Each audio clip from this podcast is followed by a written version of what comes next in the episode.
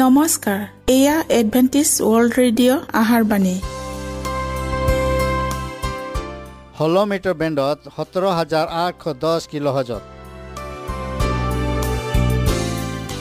Adventist World Radio যোগে অসমীয়া ভাষাত প্ৰচাৰিত আহাৰবাণী প্ৰত্যেক বুধবাৰ আৰু দেওবাৰ সন্ধিয়া সাত বজাত আহাৰবাণী শুনাৰ পিছত আপোনালোকৰ কিবা মন্তব্য আৰু প্ৰশ্ন থাকিলে আমালৈ এই ঠিকনাত লিখক। আমাৰ ঠিকনাটি হৈছে Adventist World Radio' seven day Adventist মণ্ডলী অসম শাখা লতাকাটা বশিষ্ঠ গুৱাহাটী সাত আঠ এক শূন্য দুই ন।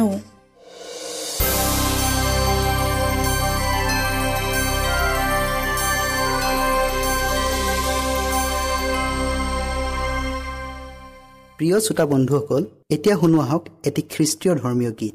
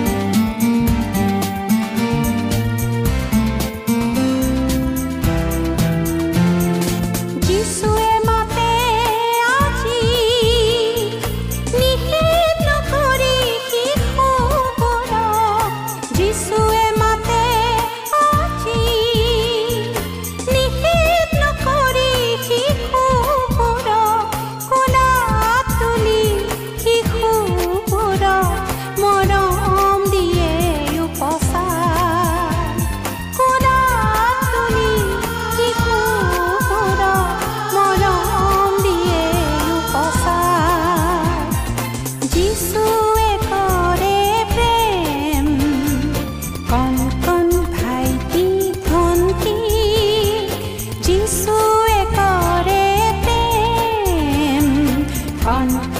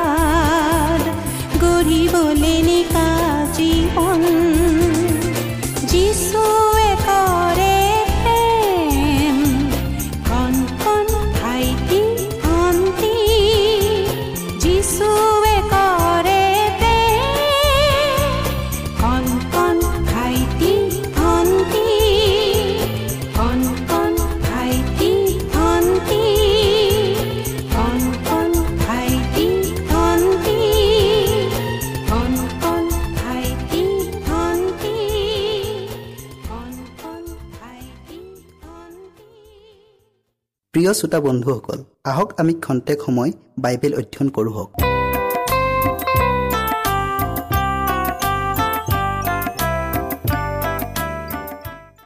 প্ৰিয় শ্ৰোতাসকল নমস্কাৰ। আজি আমি গুপ্ত ধন এই দৃষ্টান্তৰ বিষয়ে অধ্যয়ন কৰোঁ হওক। শাস্ত্ৰপদ আপোনালোকে পঢ়ক মঠি তেৰ অধ্যায়ৰ চৌৱাল্লিছ পদ। আমি প্ৰাৰ্থনা কৰোঁ হওক।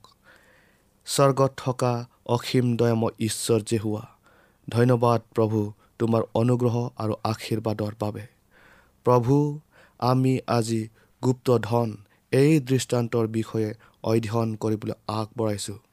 তুমি আমাক এই গুপ্ত ধন দৃষ্টান্তৰ বিষয়ে সম্পূৰ্ণ জানিবলৈ জ্ঞান আৰু বুদ্ধি দান কৰা যীশুৰ নামত খুজিলোঁ। আমেন।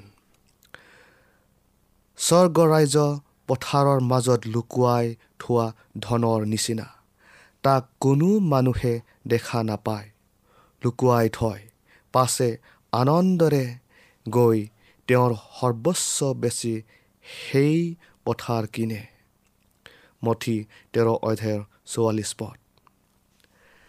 প্ৰাচীৰ কালৰ প্ৰচলিত প্ৰথামতে মানুহবিলাকে নিজৰ নিজৰ ধন সম্পত্তিবোৰ গাত খান্দি মাটিৰ তলত লুকুৱাই থৈছিল।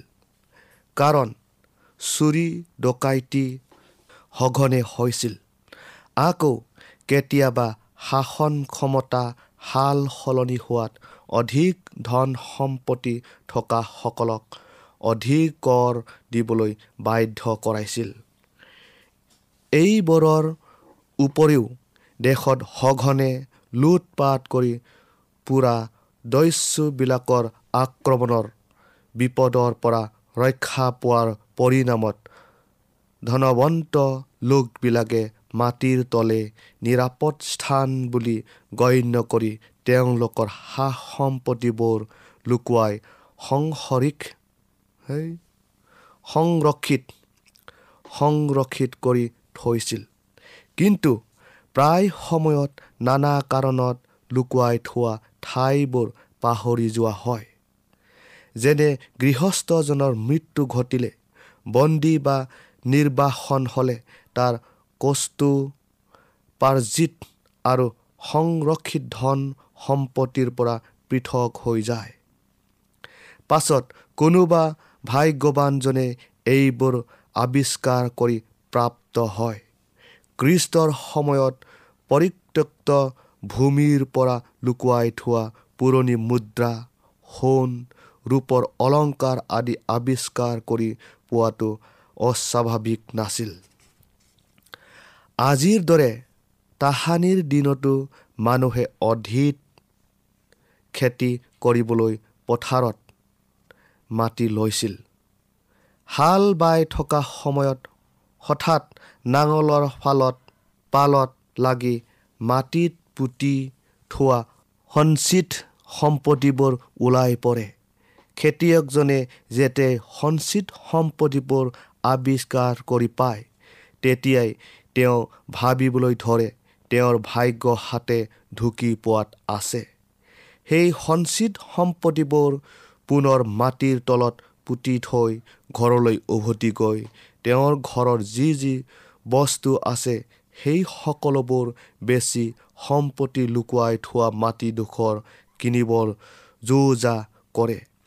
খেতিয়কজনৰ এনে মই মতালি কামবোৰ দেখি ঘৰ পৰিয়াল আৰু ওচৰ চুবুৰীয়াই ভাবিবলৈ ধৰে মানুহজনে এনে বলিয়া লিখন কৰিছে কিয়? ঘৰৰ বা আন মানুহবিলাকে পৰিত্যক্ত মাটিডোখৰ মূল্যহীন বুলি টাৱৰ কৰে। কিন্তু খেতিয়কজনে জানে তেওঁ কি কৰিছে আৰু সেই ভূমিত তেওঁৰ স্বত্বাধিকাৰ থকা কাৰণে ভূমিৰ সকলো অংশ তন্ন তন্নকৈ খান্দি চাব পাৰে। এই দৃষ্টান্তই স্বৰ্গীয় ধন সম্পত্তিৰ মূল্য আৰু ইয়াৰ পাবৰ নিমিত্তে কেনে পৰিশ্ৰম কৰিব লাগে তাৰ ব্যাখ্যা কৰে। পথাৰত লুকুৱাই থোৱা ধন সম্পত্তি পোৱা খেতিয়কজনে তেওঁৰ যি যি আছিল সেই সকলোবিলাক ত্যাগী অক্লান্ত পৰিশ্ৰমেৰে লুকুৱাই থোৱা ধন সম্পত্তিবোৰ পাবৰ চেষ্টা কৰে। সেইদৰে স্বৰ্গীয় ধন সম্পত্তি পোৱাজনেও সত্যৰ সম্পত্তি পাবলৈ তেওঁৰ কঠোৰ পৰিশ্ৰম আত্মত্যাগ ইত্যাদি আটাইবোৰ মূল্যহীন যেন জ্ঞান কৰিব। দৃষ্টান্তৰে বুজোৱা ধন সম্পত্তি লুকুৱাই থোৱা পথাৰকণে পবিত্ৰ ধৰ্মশাস্ত্ৰক বুজায় আৰু ধন সম্পত্তিয়ে সুবাৰ্তা কিন্তু ঈশ্বৰৰ মহামূল্যৱান বাক্যৰ সৈতে জগতখন সোণালী সূতাৰে সংযোগ কৰি পৰিপূৰ্ণ কৰিব পৰা নাই। গুপ্ত ধনক কেনেকৈ লুকোৱা হয়? এই বিষয়টো আমি চাং হওক।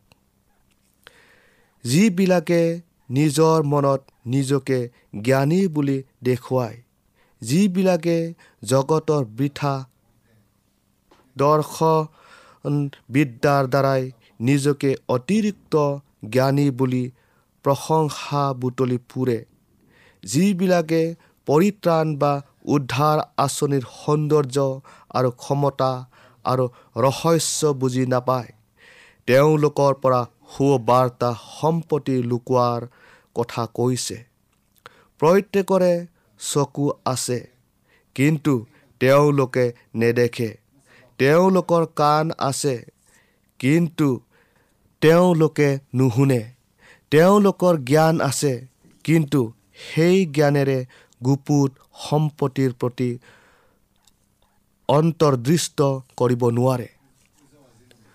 কোনো মানুহ ধন লুকুৱাই থোৱা ঠাইৰ পৰা পাৰ হৈ যাব পাৰে। ভাগৰত জৰুলা হৈ পৰা বাটৰুৱাৰ বাটৰুৱাই। বাটৰুৱাই। বাটৰুৱাই গছৰ গুৰিত লুকুৱাই থোৱা গছৰ তলত বহি জিৰণি ল'ব পাৰে। তত্ৰাছ তেওঁ নাজানে তেওঁ বহি জিৰণি লোৱা গছজোপাৰ গুৰিতে ধন সোণ পুতি থোৱা আছে। সেই একেই দশা যিহুদীবিলাকৰ হ'ল। কিয়নো ইব্ৰিয়াবিলাকক বহুমূলীয়া সম্পত্তি স্বৰূপ ঈশ্বৰৰ নীতি নিয়মৰ শিক্ষাবোৰ দিয়া হৈছিল। স্বয়ং কৃষ্টই স্বৰ্গৰ মোহৰেৰে যিহুদীবিলাকৰ জীৱন যাত্ৰা আৰম্ভ কৰিছিল। প্ৰকৃতাৰ্থত পৰিত্ৰাণৰ অতি সত্যৰ চিন আৰু প্ৰতীকবোৰ ঢাকি থোৱা হ'ল। তথাপিও যেতিয়া কৃষ্ট এই ধৰালৈ আহিল যি চিন আৰু প্ৰতীকবোৰে তেওঁলৈ আঙুলিয়াই দেখুৱাইছিল তেতিয়াও তেওঁ গ্ৰহণ নকৰিলে। তেওঁলোকে ঈশ্বৰৰ বাক্য পাইছিল কিন্তু পুৰুষানুক্ৰমে চলি অহা বিধি আৰু মানুহৰ স্বাৰ্থ জড়িত শাস্ত্ৰৰ বাক্যাই যীচুত থকা বা তেওঁ শিকোৱা সত্যৰ পৰা আঁতৰ কৰিলে। পবিত্ৰ লিখনিৰ আত্মিক গুৰুত্ব বিচ্ছিন্ন হৈ গ'ল। সম্পত্তি স্বৰূপ সকলো জ্ঞানৰ ভঁৰাল তেওঁলোকলৈ মুকলি ৰখা হৈছিল। কিন্তু তেওঁলোকে তাক অৱজ্ঞা কৰিলে। প্ৰিয় শ্ৰোতাসকল ঈশ্বৰে মানুহৰ পৰা তেওঁৰ কোনো সত্যক লুকুৱাই থোৱা নাই।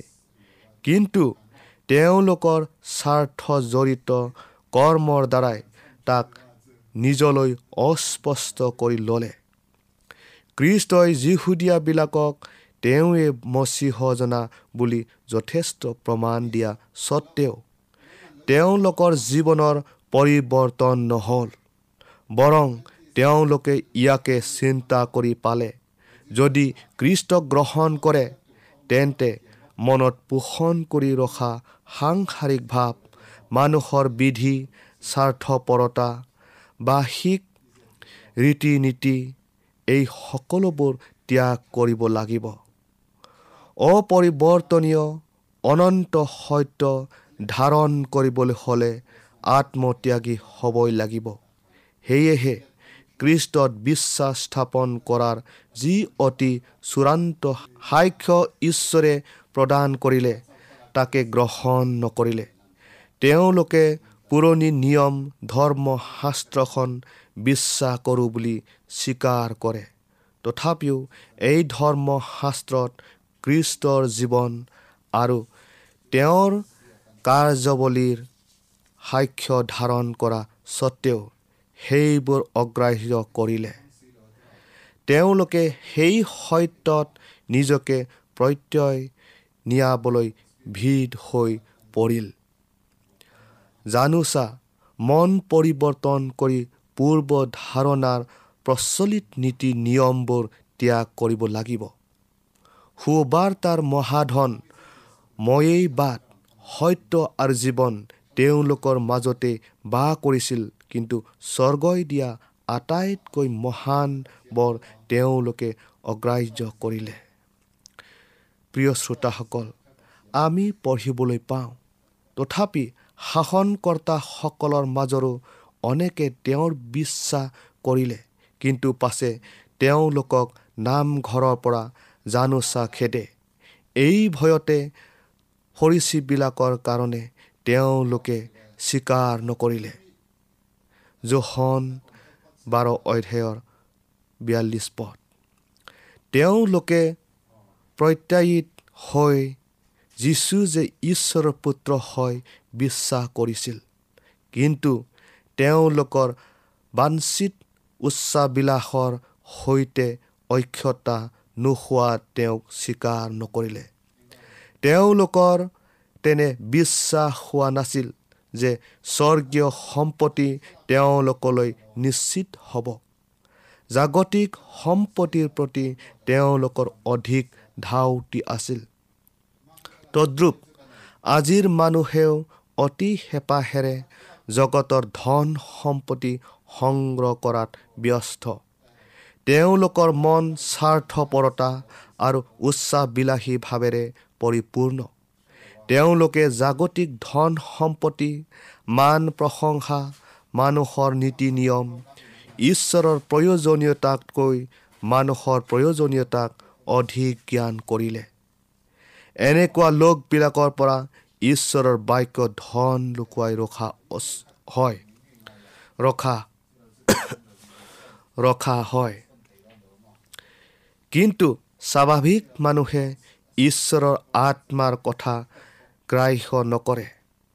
কিয়নো তেওঁৰ মনত সেয়ে মূৰ্খতা আৰু তেওঁ সেই কথাৰ তত্ত্বও পাব নোৱাৰে। প্ৰথম কৰিন্তীয়া দুই অধ্যায়ৰ চৈধ্য পদ। প্ৰিয় শ্ৰোতাসকল কিন্তু আমাৰ সুবাৰ্তা যদি ঢকা হয় তেন্তে বিনাশৰ পাত্ৰবিলাকলৈহে ঢকা হয়। ঈশ্বৰৰ প্ৰতিমূৰ্তি যি কৃষ্ট তেওঁৰ গৌৰৱ প্ৰকাশক সুবাৰ্তাৰ দীপ্তি যেন প্ৰকাশিত নহয়। এইকাৰণে এই যুগৰ দেৱতাই সেই বিশ্বাস নকৰাবিলাকৰ জ্ঞান চকু অন্ধ কৰিলে। প্ৰিয় শ্ৰোতাসকল আজি ইমানে। ইয়াৰ বাকী অংশ পৰৱৰ্তী অনুষ্ঠানত শুনিবলৈ পাম হওক। ঈশ্বৰে আপোনালোকক আশীৰ্বাদ কৰক।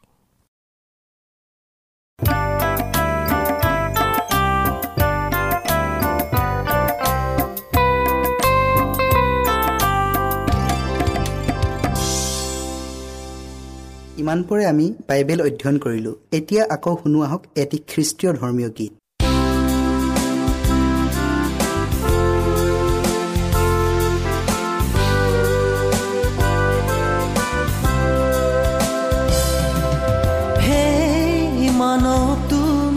প্ৰভু কিয় সন্দেহ কৰা?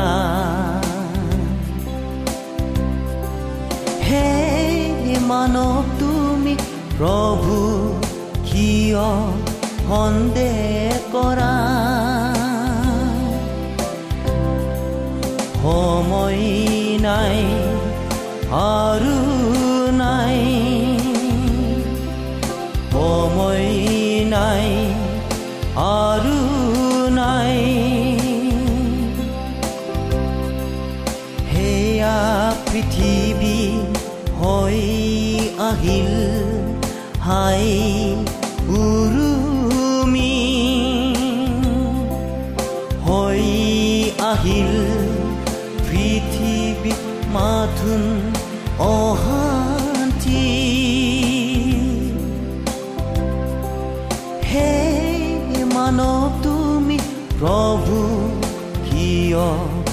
সন্দেহ কৰা। হে মানৱ তুমি প্ৰভু কিয় সন্দেহ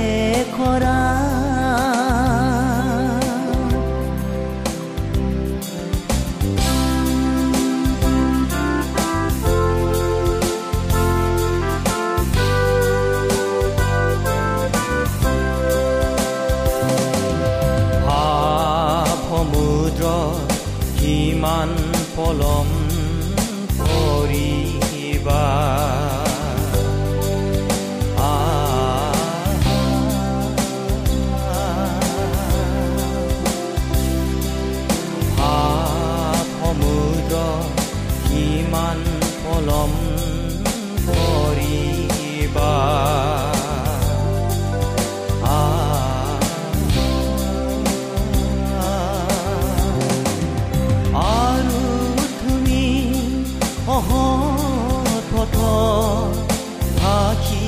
থাকিবানে সকলো সময় আৰু তুমি অহত পথ থাকিবানে সকলো সময়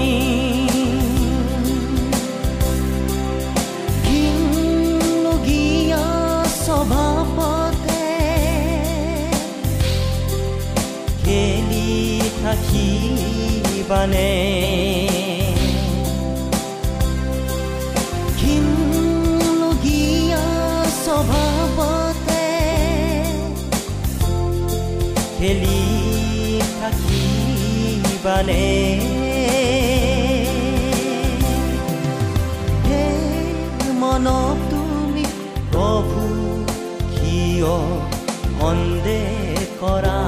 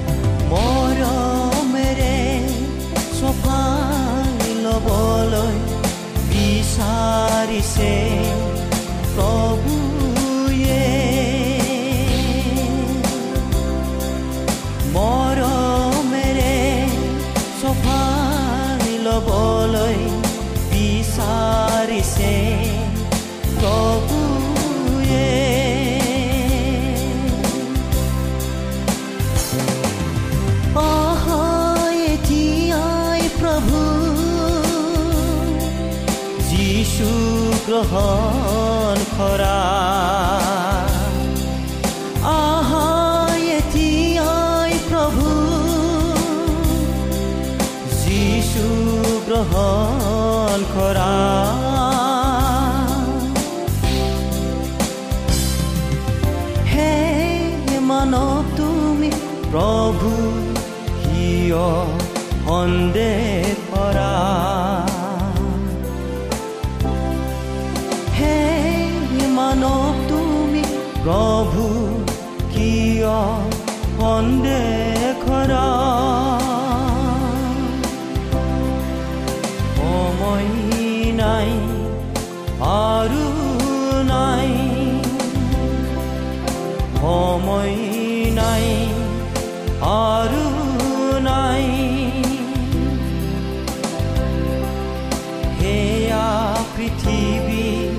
হৈ আহিল।